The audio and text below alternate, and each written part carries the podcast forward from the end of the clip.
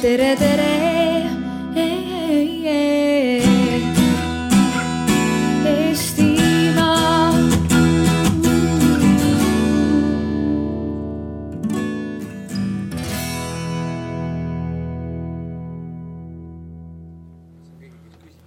Mina proovin seda juttu modereerida, aga hakkame pihta, kuna kirikukell lõi ja lõppkokkuvõttes äh, on see meie valik. Et äh, tere tulemast kõigile äh, panelistidele ja, ja publikule. et tänane paneel on siis energia küberjulgeolekust ja proovime siin just arutada, mitte lõplikke tõdesid esitada, et millised siis on energiasektori küberturvalisusega seonduvad, seonduvad riskid. Kas ja kui tõsiselt neid peaks võtma, mis on need maandatavad või maandavad tegevused ja, ja kui palju me peaksime kõike seda üldse pelgama. aga sissejuhatus tavaliselt tehakse niimoodi, eks, et kingitused antakse pärast aga mul on teile kingitused äh, soov kätte jagada enne ja seda ma ka teen, et äh, kuna mikker on nihuke kehva ja siis ma ei saa rääkida, aga ma võtsin kaasa teile ühe raamatu, ma siit laske ringi käima, nii, palun. see jääbki teile, te ei pea seda tagasi andma. Äh, ja see on Mark Ellsbergi raamat Blackout ja, ja, ja see paneel, miks ma seda teile ka jagasin, mul on ka enda kopi kaasas, on hästi palju ajendatud tegelikult sellest raamatust kuna ja, ja, ja see raamat siis põhimõtteliselt kirjutab Euroopa või kirjeldab äh, Euroopa elektrisüsteemi kustumist, täielikku kustumist, nii nagu ka pealkiri Blackout seda ütleb. ja, ja just äh, siis äh, nii-öelda süsteemse küberründe tagajärjel, et hästi lühidalt võttes kokku selle trilleri sisu, siis see sisu sisuliselt räägib, et kuidas äh, Terna ehk siis Terna on Itaalia põhivõrk, kuidas kõik see probleem hakkab Terna võrgust pihta, kuidas äh, kogu Euroopa elektrisüsteem kaskaadselt kustub äh, ja mis siis selle tagajärjel juhtub ühiskonnas tervikuna. ehk mille selline kokkuvõte või bottom line on kindlasti see sellest raamatust, et, et kui ei ole elektrit, siis ei ole midagi et, et ühiskond, tänapäeva ühiskond, ka kõik teised elutähtsad teenused, on see siis mobiilside, veevarustus, äh, äh, kanal kuni eks noh, loomulikult maksete ja kõigi selleni välja ei tööta, kui ei ole elektrit ja, ja see ristsõltuvus erinevate elutähtsate teenuste, teenuste vahel. ja nii ja, ja miks see raamat on selles mõttes nagu huvipakkuv ka lisaks, et ta on nihuke mõnus lugeda on, on see, et kui vaadata kahe tuhande viieteistkümnenda, kahe tuhande kuueteistkümnenda aasta äh, küberründeid, siis Ukraina jaotusvõrkude vastu ja ka Kiievi linnale kahe tuhande kuueteistkümnendal aastal, siis iseenesest see narratiiv, mida antud raamat kirjeldab, on üsna sarnane sellele, mis äh, reaalses elus Ukrainas juhtus, mis oli esimene selline tõestatud süsteemne kas siis manuaalne või automatiseeritud eh, küberrünnak eh, elektrisüsteemile. Ja siis ajendatuna sellest raamatust, ajendatuna sellest teadmisest, siis proovikski arutada sellel teemal, et küberohud energiasüsteemile. Ja, ja ma võib-olla kõigepealt küsiksin kõigilt osalejatelt, et et kuidas te näete, et, et kui suur on teie hinnangul üldse küberrisk energiasüsteemi talitlusele Eestis, aga, aga ka laiemalt üldse maailmas? hakkame kuskilt otsast pihta, Oliver, sealtpoolt, sealtpoolt äärest. kindlasti väga, kindlasti väga suur risk, et ähm, noh, kasvõi nagu sellest aspektist lähtuvalt, mida sa ütlesid, eks ole, et, et kui äh, kui meil energiat ei ole, siis, siis mitte midagi ei toimi. Ähm, et äh, see on nagu pea, see on üks, üks pool sellest asjast, aga teine pool sellest äh, teemast on see, eks ole, et täna energia juhtimine on äh, järjest rohkem digitaliseeritud. Ähm, mis tähendab seda, et, et needsamad juhtimissüsteemid on, on nagu otsesed otsesed kohad nagu, mida rünnata ja otsesed ohud. Ehm, noh, sa mainisid Ukrainat, äh, äh, kus, kus on reaalsed ründed toimunud, aga võtame sellesama mingisuguse Iraani case'i, eks ole, kus okei okay,, seal oli küll, toodeti uraaniumit ja nii edasi. aga tegelikult kogu maailm on täna digitaalne ja, ja, ja see on iseenesest juba ründevektor, nii et ma arvan, et oht on, on väga tugev ja väga reaalne palun. jah, et äh, nõustun täiesti Oliveriga. Äh, aga lisaksin ka seda, et äh, RIA või Riigi Infosüsteemi Ameti aastaraamatus oli öeldud, et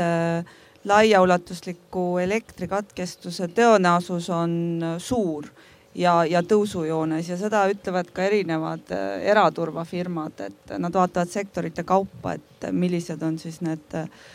küberturbeohud. ja ütleme, et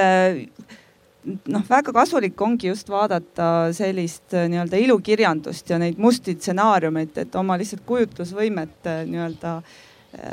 rakendada, et mis võib juhtuda, aga tegelikult muret teeb võib-olla see, et noh, nüüd hiljuti näiteks USA-s ju öeldi, et, et tuumajaama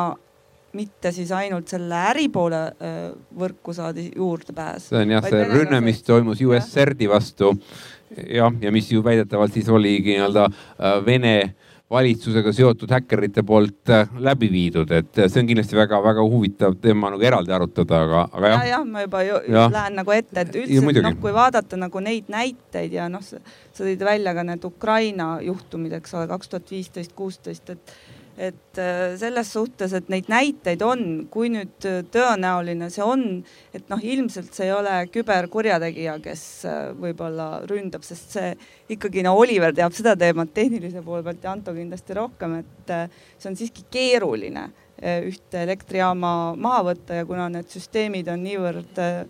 diversifitseeritud, et siis Äh,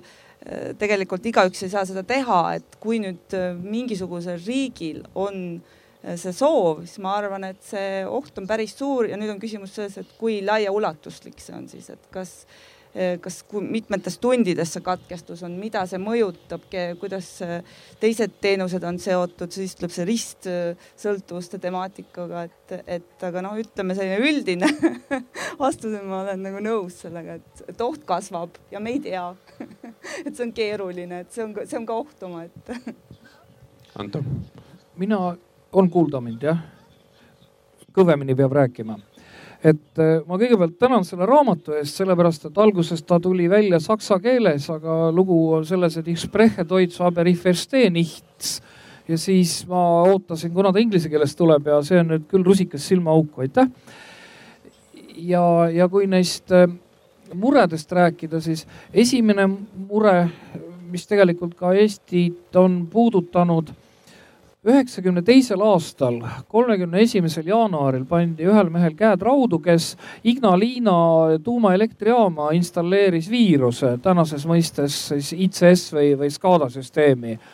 Oleg Savtšuk oli ta nimi ja, ja läks tema kohtu alla ka ja tema ütles, et tema tahtis osutada juhtimissüsteemi puudustele no kaheksakümne kuuendal aastal ma mäletan sama tüüpi reaktori peal tehti ka öösel mingeid katseid kusagil Tšernobõlis et, et need, need osutatud puudused on meil siiamaani siin keskkonnas olemas. ja, ja, ja, ja teine mõte on võib-olla Ukrainaga seoses, no Ukrainasse, mis tehti, pandi, pandi jah viirus ka mingisse tähtsasse kompuutrisse. mis Iraanis juhtus? no Iraani sokutati Stuxnet. Kasperski väidab, et seesama Stuxnet pärast käis ka ühest Vene tuumajaamast läbi, et selle kohta väga palju pole teada, venelased pole avalikuks läinud aga kui me selle ohu jätame kõrvale, et noh, mis seal Narvas ikka juhtub, üks katel sulab sisse, so what. aga üks teine häda on nimelt e-riik ja juhtimine et, et selles mõttes, et kui meil on bitiriik ja kõike juhitakse bittidega, siis vaat bitid ja energia on omavahel seotud, et sa ei saa juhtida, kui sul äh, aparaadil pole energiat. ja, ja, ja lõpuks juhtubki nii, et arvutid on nurgas, aga ma ei tea, siis tuleb selle pirru valgusel või, või turvast kominasse visata, et voolu saada või, või et et noh, see on niimoodi hästi sirgelt ja küüniliselt. aga ma arvan, et see on nagu hästi huvitav pool just tõesti edasi minna, eks, et, et see ristsõltuvus just selles loogikas, eks ole, et ühelt poolt me ütleme, et elektrisüsteemi talitlusel on või elektrisüsteemi talitluse jaoks on vaja kogu sellise digitaalse ja automaatika toimimist, aga teiselt poolt me ütleme, et kui seesama elektrisüsteemi ei ole, kui elektrit ei ole, siis, siis me ei suuda ka seda digitaalset maailma iseenesest üleval hoida, et, et see on nihuke noh, nokk kinni, saba lahti või selline ristsõltuvus, et, et mis on need lahendused, et noh, teie olete ise, eks ole, IT-sektorit tunnete, et kui palju on mõeldud selliste back-up'ide peale ja nagu reaalselt toimivate back-up'ide peale, et mis ei kesta ainult noh, tund või kaks, eks ole, vaid millel on ikkagi nagu suutlikkus sisuliselt päevasid ja päevasid hoida süsteemi üleval kui tsentraalset süsteemi ei ole, on see siis kriis või, või rünnak või mis iganes ma ei tea, kes soovib kommenteerida no,? siis läheb asi inimeste peale, siin kunagi oli ka mingi elektrikatkestus, mäletan, mobiilimastidel ei olnud toidet, siis katkeb väga palju asju. no mis siis tehti, siis hakati akusid laiali vedama autoga, ehk siis oli selline tiim, kes laadis kodus akud ära ja siis viis sõitis ühte kohta, vahetas välja, laadis. nii et põhimõtteliselt kolme mehega pandi protseduur tööle jälle. Oliver, sa tahtsid ka kommenteerida? ja noh see ristsõltuvuste teema on hästi tõsine. pane mikri nats lähemale muidugi kuulda tõsta. et see ristsõltuvuste teema on hästi tõsine teema ja tegelikult minu arvates seda noh, lõpuni mõeldud kindlasti ei ole, et äh, riik täna sellega tegeleb äh,. aga ütleme, et see on ikkagi üsna äh, ja IT, ütleme kriitiliste teenuste raames üsna lapsekingades. siin on kindlasti vaja investeerida äh, kõvasti juurde ja just analüüsida erinevate ohu, erinevaid ohustsenaariume ja, ja vaadata, et mis hakkab siis juhtuma, kui midagi kokku kukub. Ja seda tuleb süstemaatiliselt teha ja noh, mul on hea meel tõdeda, et seda Eesti riigis tehakse. Ähm, mis puudutab nüüd energiast, eks ole, see sinu otsene küsimus, et noh, palju on erinevad institutsioonid mõelnud selle peale, justkui äh, väga palju sellega tegeleda ei jõua ja ma lisaksin seda, et äh, noh, neid elutähtsaid teenuseid on, eks ole, kuskil seal kahesaja kanti. Äh, ja tegelikult jällegi üks uuring näitas, et äh, kõik nad sõltuvad IT-st ja loomulikult ka elektrist, eks ole, aga paraku on nii et, et üheksakümmend viis protsenti ei tea, et kuidas nende teenus elektrikatkestuse puhul nagu edasi toimib. Ja noh, tegelikult seaduses on ette nähtud vastavad äh, riskianalüüsi ja toimepidavusplaanid, aga noh, see on väga keerukas ja seda tegelikult ei saa riik teha, vaid seda peab ettevõte ju ise hindama ja noh, samamoodi Elering, eks ole, et teil on ju ka toimepidavusplaanid. et seal peaks tegelikult ju ette nägema nii need äh, back-up plaanid äh, kui ka selle autonoomse toite ja noh, kõik sellised asjad ja siis on nagu veel see küsimus ka, et aga kellele siis äh, hädaolukorras elektrit antakse ja kellele ei anta, et keda, kuidas sa prioriseerid, eks ole, et kes seda otsustab näiteks, et kas seda otsustab siis teenuse pakkuja või, või peab seda riik tegema, et noh, ma selles mõttes natuke oponeeriksin, et ega riik ei saa seda teha ja kõik see muutub ju ajas. Need eh, tegelikult eh, noh, üks asi on see, et eh, sa pead siis tagama näiteks, kui sa oled äh, mingisuguse, ma toon lihtsalt näite jälle, et äh, sealtsamast Riia aastaraamatust, ma ei tea, kas te olete seda lugenud, aga see on väga huvitav lugemine. ja seal oli kaks näidet oli, et üks oli see, et eelmisel aastal siis äh, katkes andmeside operaatori teenust tänu sellele, et mingisugune elektri toide või mingisugune viga oli ja oli ka vastupidine näide, et, et andmeside katkestuse tõttu siis ei saanud, äh, ma arvan, et jutt võis olla Eleringist, kuigi seal polnud seda öeldud, eks ole, et kes see oli, ei saanud ligi oma, oma mingisugusele tehnilisele keskusele, et, et noh, selles mõttes nagu need näited on tegelikult ju elulised, et need asjad ju toimuvad juba praegu, aga et seda peab ikkagi tegema ettevõte. Et ta peab äh, nagu tegema need back-up plaanid, võib-olla võtma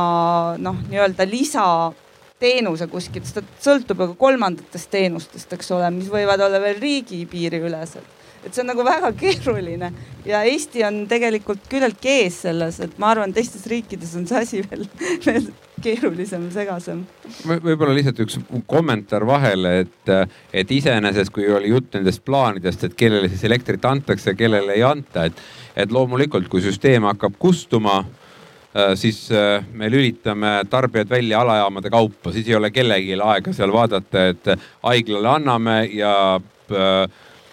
kommivabrikule ei anna, aga siis on taastekavad ja taastekavade puhul on küll olemas nagu väga selged, et millised tarbijad esmajoones tagasi lülitatakse, eks ole, ja seal on loomulikult siis elutähtsa teenuse osutajad eh, on need eh, nii-öelda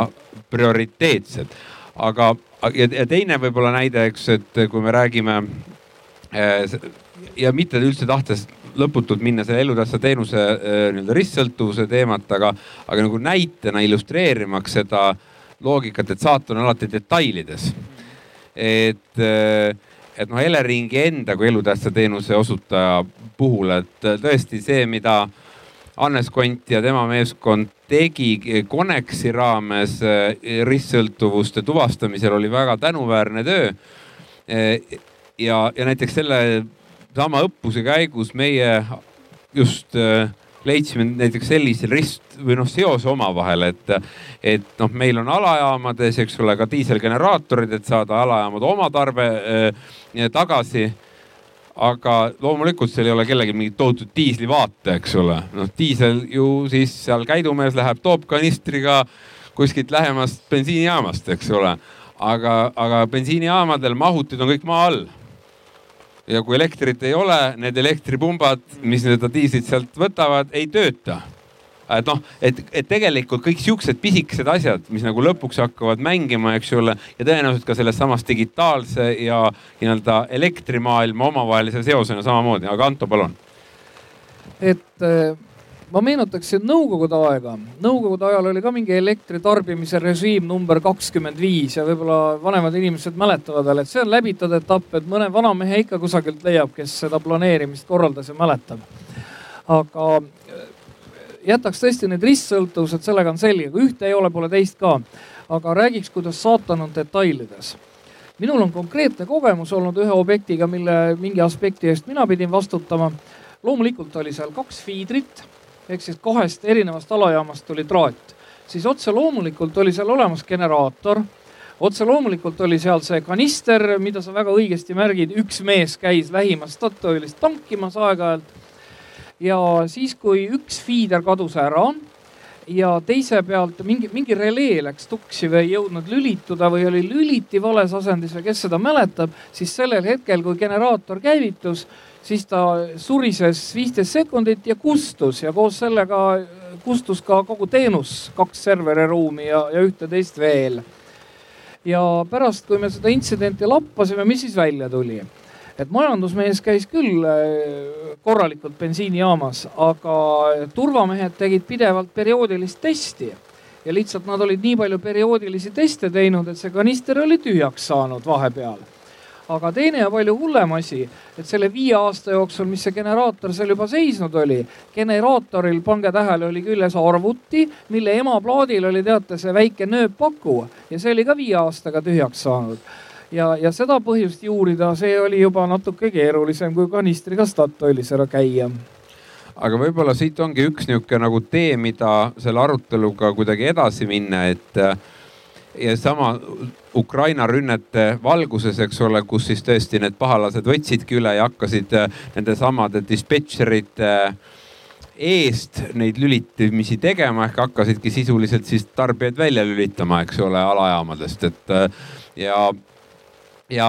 ja, ja, ja ega siis Ukrainaga, kuidas ta ju olukorra taastas, ta taastaski see, et ta viis sisuliselt äh, alajaamade juhtimise automaatselt manuaalseks et kas me peaksime ja kui suures ulatuses me peaksime sama küberriskide maandamiseks, saades aru, et äh, kui pole elektrit, ei ole midagi no, back-up ima või dubleerima, noh kogu niisugust automaatset süsteemi mingi nii-öelda võimekusega manuaalselt oma süsteemi juhtida, et, et kui palju see on adekvaatne ja, ja, ja kas seda tasub teha ja, ja mis te sellest arvate? kes soovib? Mina ütlen kohe, et kindlasti peab, aga see küsimus on rahas, eks ole, et te peate siis ilmselt mingisugused inimesed tööle võtma ja neile palka maksma. et see küberjulgeolek ongi selline, et küsimus on nagu noh nii-öelda äri seisukohalt, et palju sa sinna raha paned, et noh, tegelikult sada protsenti sa seda julgeolekut ei saa ja kui suured need riskid on ja mis, mis siis on need nii-öelda, mis võib juhtuda, et kas see on, on nagu äh, Äh, kaalub rohkem üles kui see, aga ma arvan küll, et see peaks teil kindlasti seal sees olema, et ausalt öeldes ma olen täitsa üllatunud, teil ei ole seda seal sees, vaadates Ukrainat, et äh, see oli ju kõik läänes, kõik ütlesid, et äh, vot kui hea, et teie saate veel minna käsitsi juhtimisele üle, et, et noh, meil on juba nii automatiseeritud, et me enam ei saa. no näiteks ega vastupidi, ma arvan, et et Eesti oma elektrisüsteemi digitaliseerimisel, nii nagu paljude muudegi teenuste puhul, no me oleme kindlasti noh, väga-väga palju kaugemal kui, kui Kesk-Euroopa, et noh, näiteks meil, see pole mingi saladus, eks ole, Kiisa avarii reservelektrijaam kakssada viiskümmend mega.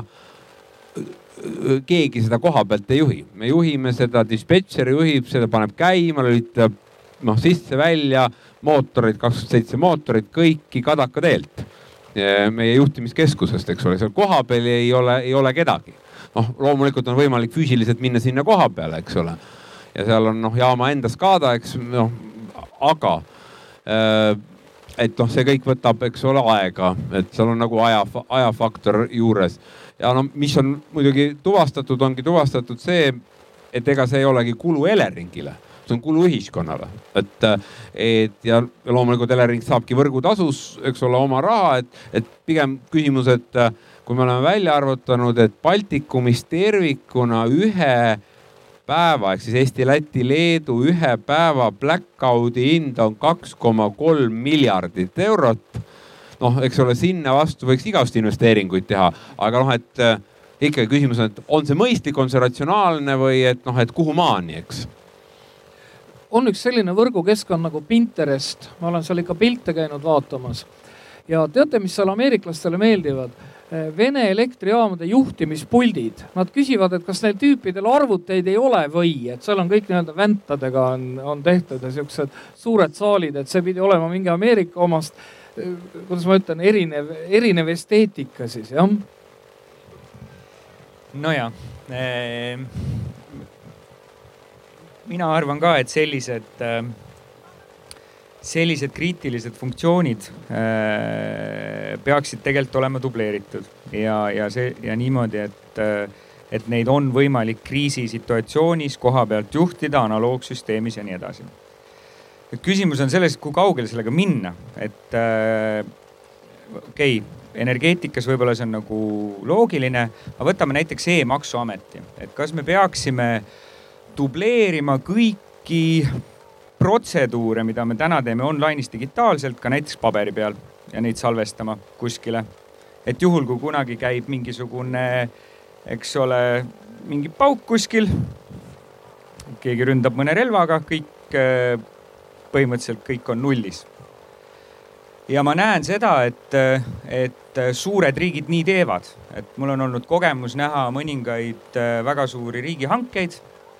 suurtes riikides nimetama ei hakka ja just maksu ja tolli valdkonnas, kus tegelikult on niimoodi, et ongi kaks paralleelset süsteemi, on digitaalne ja on analoogne. Ja neid hoidet-, hoitakse tegelikult väga palju süngis. sellepärast, et kardetakse täna seda, et midagi läheb vussi see on tegelikult näiteks hääletamistes on, on väga sarnane, kui sa nagu masinaga hääletad, eks ole, siis tegelikult tekib sulle nagu paber receipt sinna taha, sul on kaks paralleelset protsessi, mis jooksevad. ma arvan, et Eestis me ei suuda sellist kahte paralleelmaailma ülal pidada äh, väga paljudes valdkondades, aga mõnedes nagu energeetika, ma arvan, me peame seda tegema. ja nii lihtne see ongi ja, ja nüüd veel, eks ole, et kui rääkida nendest SCADA süsteemidest, ehm, mis meil, millega Elering oma, oma eh, diiselgeneraatoreid ja asju juhib, siis seal on minu arvates kõige suurem oht on täna see, et see tarkvara vananeb sellel hetkel, kui see sinna peale pannakse. et, eh, et sa ütled, et Ameerikas on väga nagu digitaliseeritud ja, ja uued äh, energiajuhtimissüsteemid. no see SCADA protokoll on tuhat üheksasada viiskümmend või mida iganes, eks ole. mille, mille kaudu, mida, mida jauratakse, et tegelikult see ei ole üldse turvalise andme või sideprotokollina üldse mõeldudki. et äh, et äh, need ohud on, on nagu tegelikult pigem selles, et noh, kui me võtame mingit digitaalse teema ette, eks ole, siis me peame kogu aeg vaatama, et me investeerime sellesse, et meie tarkvara on kogu aeg up to date. Ähm, ja et meil inimesed tegelevad selle teemaga, need, need Ameerika juhtimissüsteemid on tegelikult täpselt sama vanad kui need Vene analoogid, ma arvan ma võib-olla siia vahele seletan korraks, mis asi see SCADA või, või ICS on. aitäh et ta on noh, nagu arvuti ikka, ta on sihuke, vaat nagu teil elektrikilbis on see lüliti, eks ole, pandud sinna selle siini peale, samasugune sihuke plastmassist karvikene. eest on mingid kontaktid, kust tuleb nagu arvuti ots sisse ja taga on siis lüliti, mis siis noh, lülitab seda pumpa või, või elektriliini või midagi. aga milles on probleem? vot kui te arvuti endale ostate, palju selle eluiga on? noh, ma ei tea, kellel kolm aastat, kellel viis aastat, aga noh, siis visatakse ta minema, tarkvara uuendatakse ka ju vahepeal. aga millal te viimati oma elektrilüliteid kilbis uuendasite? ja vot nende SCADA jubinatega on sama lugu, et ta tehti valmis, ta pandi sinna kilpi, ta on töökindel, ta töötab, aga vahepeal mõeldi internet välja, siis mõeldi, aga jube hea, paneme selle elektrijaama ka otsapidi internetti, noh saab ilma teadet vaadata ja muid asju no siis häkkerid mõtlesid ka, et maru tore on, et näed, vaatame ka, mis seal on. kuule, mingi karvike paistab otsapidi, lülitame, vaatame, mis juhtub nii et tegelikult need seadmed on paigas mingisugune viisteist ja kakskümmend aastat ja, ja, ja ütleme, internet on sattunud nii lähedale, et viimased kümme aastat on tegeldud selle rookimisega. et ega noh, arusaadavatel põhjustel keegi väga täpselt ei taha rääkida, mis see rookimise ulatus on ja mis enne seda rookimist oli ja aga tean inimesi, kes on teinud ikka palju-palju tööd sellega, et et ei saaks internetist ligi. et äh, seda võib vist täna kindlasti öelda, et täna internetis seda lülitit ei ole, millega Narva elektrijaama saab välja lülitada. isegi mitte sellist kogemata lülitit nagu Ukrainas, eks ole, et ikka mingi meeskond on, mis viirusi valvab ja nojah ja kindlasti, aga, ma arvan, et, et, et võib-olla siit ongi niimoodi teemaarendusena mõistlik nagu minna sinna, et me räägime nii-öelda sellest, et, et kuskil on keegi, kes potentsiaalselt tahaks rünnata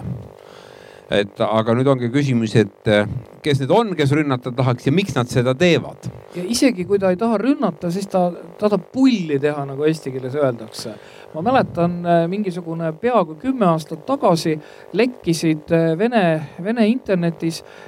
Riia hüdroelektrijaama juhtimispaneeli, noh, need, kuidas see screenshot või kuvapauk või kuidas nad seda nimetavad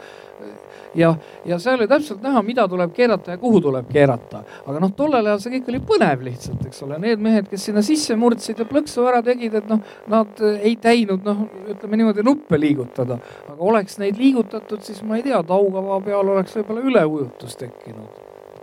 aga ikkagi, et noh, et on kindlasti üks on see niisugune fun faktor, eks ole, mida sa kirjeldad, aga,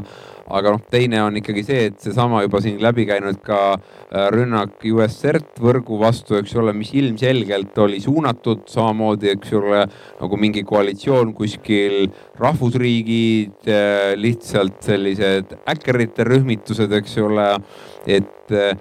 et mis see eesmärk võiks, võiks olla, noh, kui mitte rääkides nii-öelda globaalselt, aga, aga, aga rääkides kasvõi konkreetselt Eestist ja, ja mis me usume, et, et kui suur ka no kasvõi sama Ukraina rünnakute valguses, eks ole või kasvõi sama, mis siin VKG-s, eks ole, mis on nii-öelda avalikult ka kapo aastaraamatu kaudu tulnud avalikuks, eks ole kus teatud pahavara siis oli, oli sisuliselt VKG võrk. ma ei ole selle väljendiga nõus, teatud pahavara, ma ütleks otse välja APT kakskümmend kaheksa. oh, no vot, ma ei tea, APT kakskümmend kaheksa. kureerib Venemaal asutus nimega Glavnoja Razvedovatelne Upravljeni GRU, et saate aru, Viru keemiakombinaadis oli APT kakskümmend kaheksa, kus lüliti teine ots asus GRU peakontoris aga jah, siis tulid. Äh, aga miks nad, aga võib-olla ütleme, et, äh, et see APT, eks ole, et nüüd ongi küsimus, et kui palju me näeme, et sa juba ütlesid välja siin Venemaa, eks ole. et äh, kui palju võiks olla Venemaal huvi, miks Venemaa tegelikult seda teeb, eks ja, ja, ja tõesti laiemas kontekstis just, et noh, eeldas, et kui nad teevad seda Ameerikas või Ukrainas, eks ole, oleks nagu keeruline uskuda, et nad ei tee seda siin eks äh, sada kilomeetrit Sankt-Peterburist. no vot minu jaoks, eks ole, Venemaa ei ole müstika, ma olen seal käinud, vene keel ei ole müstika, ma räägin seda keelt, vene kultuur ei ole müstika, ma Nii. peaaegu suudan Puškinit originaalis lugeda ja mina kujutan asja palju proosalisemalt ette. saad aru, kusagil on üks kontor ja seal on riigitöölised. Nad saavad vähe palka, nad on uhked oma kodumaa üle ja siis tuleb ülemus, karjub nende peale, ütleb, et kuskil on kõrval mingisugune vastik pisiriik, eks ole, tegelge temaga no siis nad meenutavad, kes on tuttavad häkkerid, eks ole, lähevad vaatavad. ma arvan, need asjad käivad niimoodi, kui me noh, Ukrainast räägime, siis ka jättes kõik selle moraali ja õiguse, õigluse kõrvale, ühel hetkel on seis, noh, kui on vastasseis, eks ole, kaks riiki on ikkagi omavahel sisuliselt sõjas. Ja kusagil on see, no ma ei tea, palju neid on, ma nimepidi ka ei tunne inimest, kolmkümmend inimest istuvad mingis barakis, eks ole, meie teiega siin elame, eks ole, sooja, saame sooja ja Ellerikist tuleb vool. Neil on seal külm, nad kütavad ise oma kaminat või ahju ja nemad saavad ülesande vaadata, kus mida ripakil on, lihtsalt selline opportunity, et noh, kus on võimalused, kuhu saaks kärsa vahele panna. No ja siis ma ei tea, lasevad mingid programmid käima ja saavad teada, et ühes majavalitsuses on viir-, noh, nende viirus sees, seda saaks kontrollida, no mis sa ikka lülitad seal. ja siis vaatad, ups, mis pilt siin on. ja see ongi selline seis, et lihtsalt anti käsk ette, tee midagi, otsiti läbi ressurss, leiti midagi no pange nüüd ennast, pange ennast selle inimese kohale, kas ta jätaks selle klahvi. et see on nagu äh, plaani täitmine no vot ja, aga nüüd täidetakse see plaan ära, eks ole, siis selle toa ülemus saab siia omale ühe paguni ja ühe joone juurde, eks ole ja siis tema ülemus hakkab nõudma tema käest, noh, ma räägin täitsa praktiliselt inimlikult, et kuule, et sa eelmine aasta tegid neile nagu päris hästi ära, et ega sul see aasta ei ole seal mingisugust, et äkki mõni vana tuttav töötab kuskil elektrijaamas et saame neile jälle mingi kräu ära keerata, et, et niimoodi noh, ma ei tea, et saaks, ma ei tea, korteri või auto ostulubasid vist ei ole seal enam või et et ma oh, jätkaksin, et, et ma selles mõttes oleksin täiesti nõus sellega, et ma arvan ka, et nagu Putin kuskil ei istu ja ei käse ja, ja ei keela, vaid, vaid noh, et täiesti on olemas nagu äh, selline pidev tegevus, et ma tooks laiema konteksti sisse, et, et kui noh, vanasti oli sõda, rahu, eks ole, et nüüd on siis hübriidkonflikt, et aga noh, küberruumis on veel eriti, et seal on nagu selline pidev ja tegevus, mis on siis allpool seda rahvusvahelises õiguses jõu kasutamise lävendit, et, äh, et tegelikult äh, luureasutused ja, ja sõjaline luure, et nad on ju pidevalt skännivad mingisuguseid võrke ja noh, seda on väga paljud NATO riikide luureraamatutes, aastaraamatutes öeldud, et noh, nii UK-s kui, kui USA-s kui, kui Hollandis ja igal pool ja noh, tegevus on see, et eh, me ei tea, et kas see on ainult spionaaž või siis tegelikult tahetakse sinna panna siis juba mingi tagauks või pahavara, et kui midagi juhtub, siis see aktiviseerida. ja et eh, selles mõttes ma arvan, et selline nii-öelda isetegevuslik tegevus käib kogu aeg ja, ja siis võib-olla tõepoolest, et nagu ka kirjeldati neid USA presidendivalimiste vastu korraldatud rünnakuid, et et, et tegelikult noh, seal on erinevaid arvamusi, et kas äh, siis Putin äh, siiski korraldas selle või, või aga minu arust väga selline veenev argument ongi see, et äh, kuna nad mõlemad, nii FSB kui GRU Äh, olid seal sees, et siis äh, lihtsalt kasutati see võimalus ära, et nagu raporteeriti siis äh, julgeolekunõukogule, et voh, meil on selline võimalus ja palun okei okay,, tehke. seal oli nagu... ju tagasilööke ka, nad läksid omavahel kaklema, seal oli APT kakskümmend kaheksa, kakskümmend üheksa olid korraga sees ja siis keegi ütles, et poisid, ärge jamage, et see on strateegiline nii-öelda, nii-öelda hetk. aga veel kord, on olemas inimesed, kes on palgal, kes peavad nende asjadega tegelema ja kindlasti on olemas mingi poliitiline motivaator, on mingid juhid kuskil, kes siis saavad selle kokku võtta, ütlevad, kuulge, minge nüüd suskige seal. Ja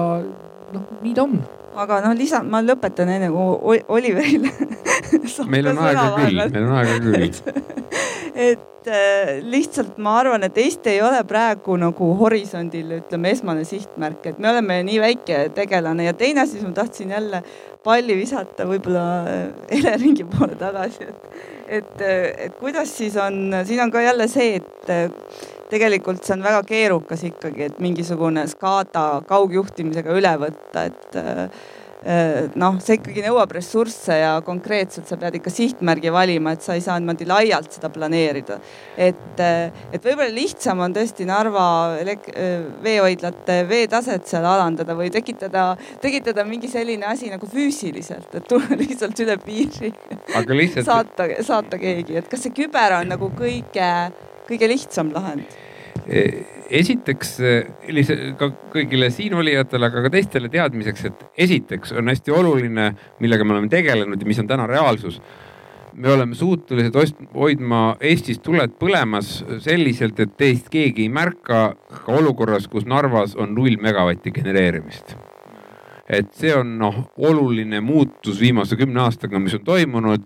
Iseenesest äh, me Eesti elektrisüsteemi talitlus ei sõltu Narva elektrijaamadest, kui ka Narvas me viimati, kui Viru alajaama rekonstrueerisime, seal olid mingid teatud küsimused, eks ole, me ehitasime ta selliselt ringi, et äh, vabalt saame hakkama, loomulikult kuskilt peab tulema energia, eeldades, et siis Läti suunalised liinid, teised elektrijaamad, Estlingid on sees, noh elektriliinid elektrit ei tooda, selleks on vaja elektrijaama kuskilt peab elektrit tulema.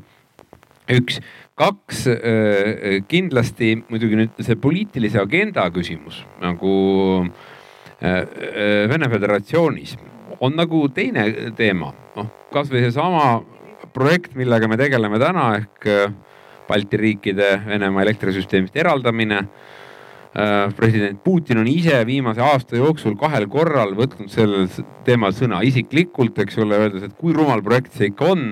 ja kui, kui, kui mõttetu see kõik on. pluss, eks ta osales ka ise Kaliningradi uue gaasielektrijaama,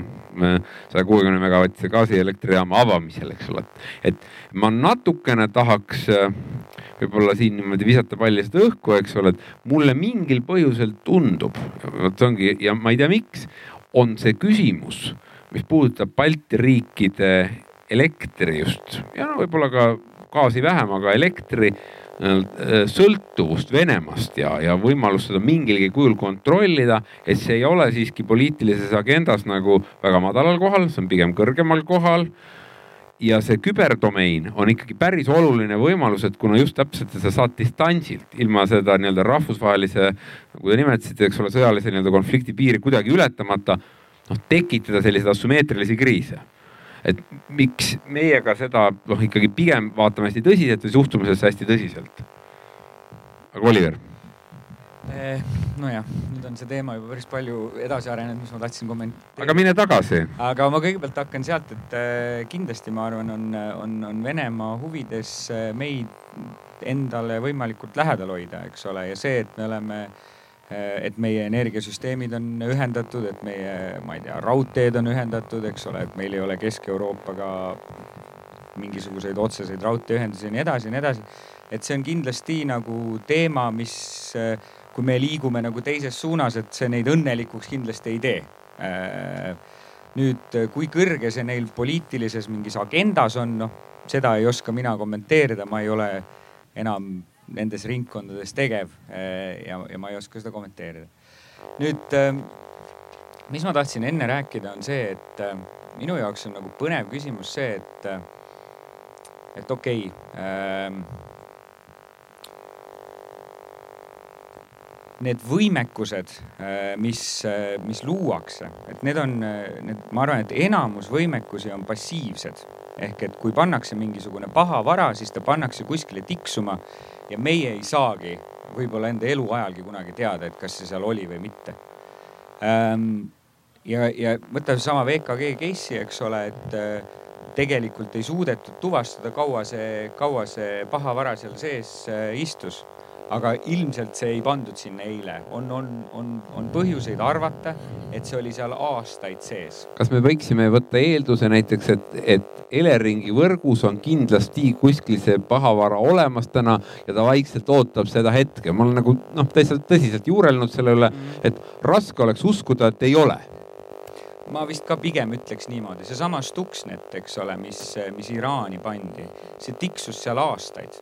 äh, ja see, kuidas see sinna vii-, noh, nüüd on hakatud selle kohta, eks ole ju mingit informatsiooni tulema, eks ole, et mälupulgaga sinna viidi äh,, istus seal sees vist oli kaks aastat, eks ole, siis mõeldi, et kuidas seda aktiviseerida, millised on need tingimused, et selline tark, tarkvara aktiviseeritakse ja nii edasi. et tegelikult sa nagu istud kogu aeg mingisuguse nagu tünni otsas, mille kohta sa nagu väga ei tea, mis seal, mis seal sees on ja, ja mis need tingimused on nagu, äh, mis selle siis nagu tiksuma panevad. sinu, su küsimus on väga adekvaatne, mina ei julge sellele vastata ausalt öeldes. mina annaks sellise vastuse, et minul kadus kindlus ära aastal kaks tuhat viis enne seda ma olin nii kõva mees, ma ütlesin, et kõik süsteemid, mis minu alluvuses on, siin kas ei ole viirusi või ma tean täpselt, kustkohast see tuli ja ma teadsingi.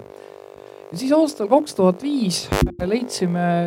ühest serverist ühe, ma ei tea, mis ta oli, äkki oli viirus, igatahes viirustõrjede peale karjus. ja me ei leidnud seda ühestki teisest serverist, me ei saanud kunagi aru, kust ta sisse tuli. nii et nii-öelda minu see noh kübersüütus läks siis kaks tuhat viis kaduma, ma ei saanud enam kätt südamele panna, öelda, minu võrgus neid enam ei ole. teine paralleel, mille ma tooksin, peaaegu kümme aastat tagasi oli niisugune komme, unustati mälupulkasid unustati mälupulk mõne riigiasutuse ette parki, noh ja siis töötaja tuleb, vaatab, oo, kuuekümne nelja, ma ei tea, gigabeta, mis iganes paidine mälupulk, oo, mis siin peal on läheb siis tööga ukse sisse, seal on kaks süsteemi, eks ole, üks on see, millega netis käiakse ja teine on siis, teine on siis see süsteem, millega siis jah, asju, asju tehakse. Ja noh, ta siis paneb selle pulga sinna sisse, noh, tal on huvi, ta tahab teada, mis selle pulga peal on, seal on kindlasti midagi väga väärtuslikku. ei ole, seal oli venekeelne kalandusajakiri. nojah, ja siis sai see süsteem nakatatud ja, ja, ja nii ta oligi. see ei ole mingi umblukirjeldus, see on reaalne olukord Eestist. Ja mis mind hämmastas selle konkreetse viiruse juures, mis seal pulga peal tuli, tema see taimeri kõige väiksem aeg, ma olin kõrval, kui mees seda disassemblis, lammutas lahti, et, et kuidas ta käitub. kolm tundi oli kõige väiksem aeg. tavaviirus on ju see, et hopp ja hopp, et saaks kiiresti selle platvormi kätte, teie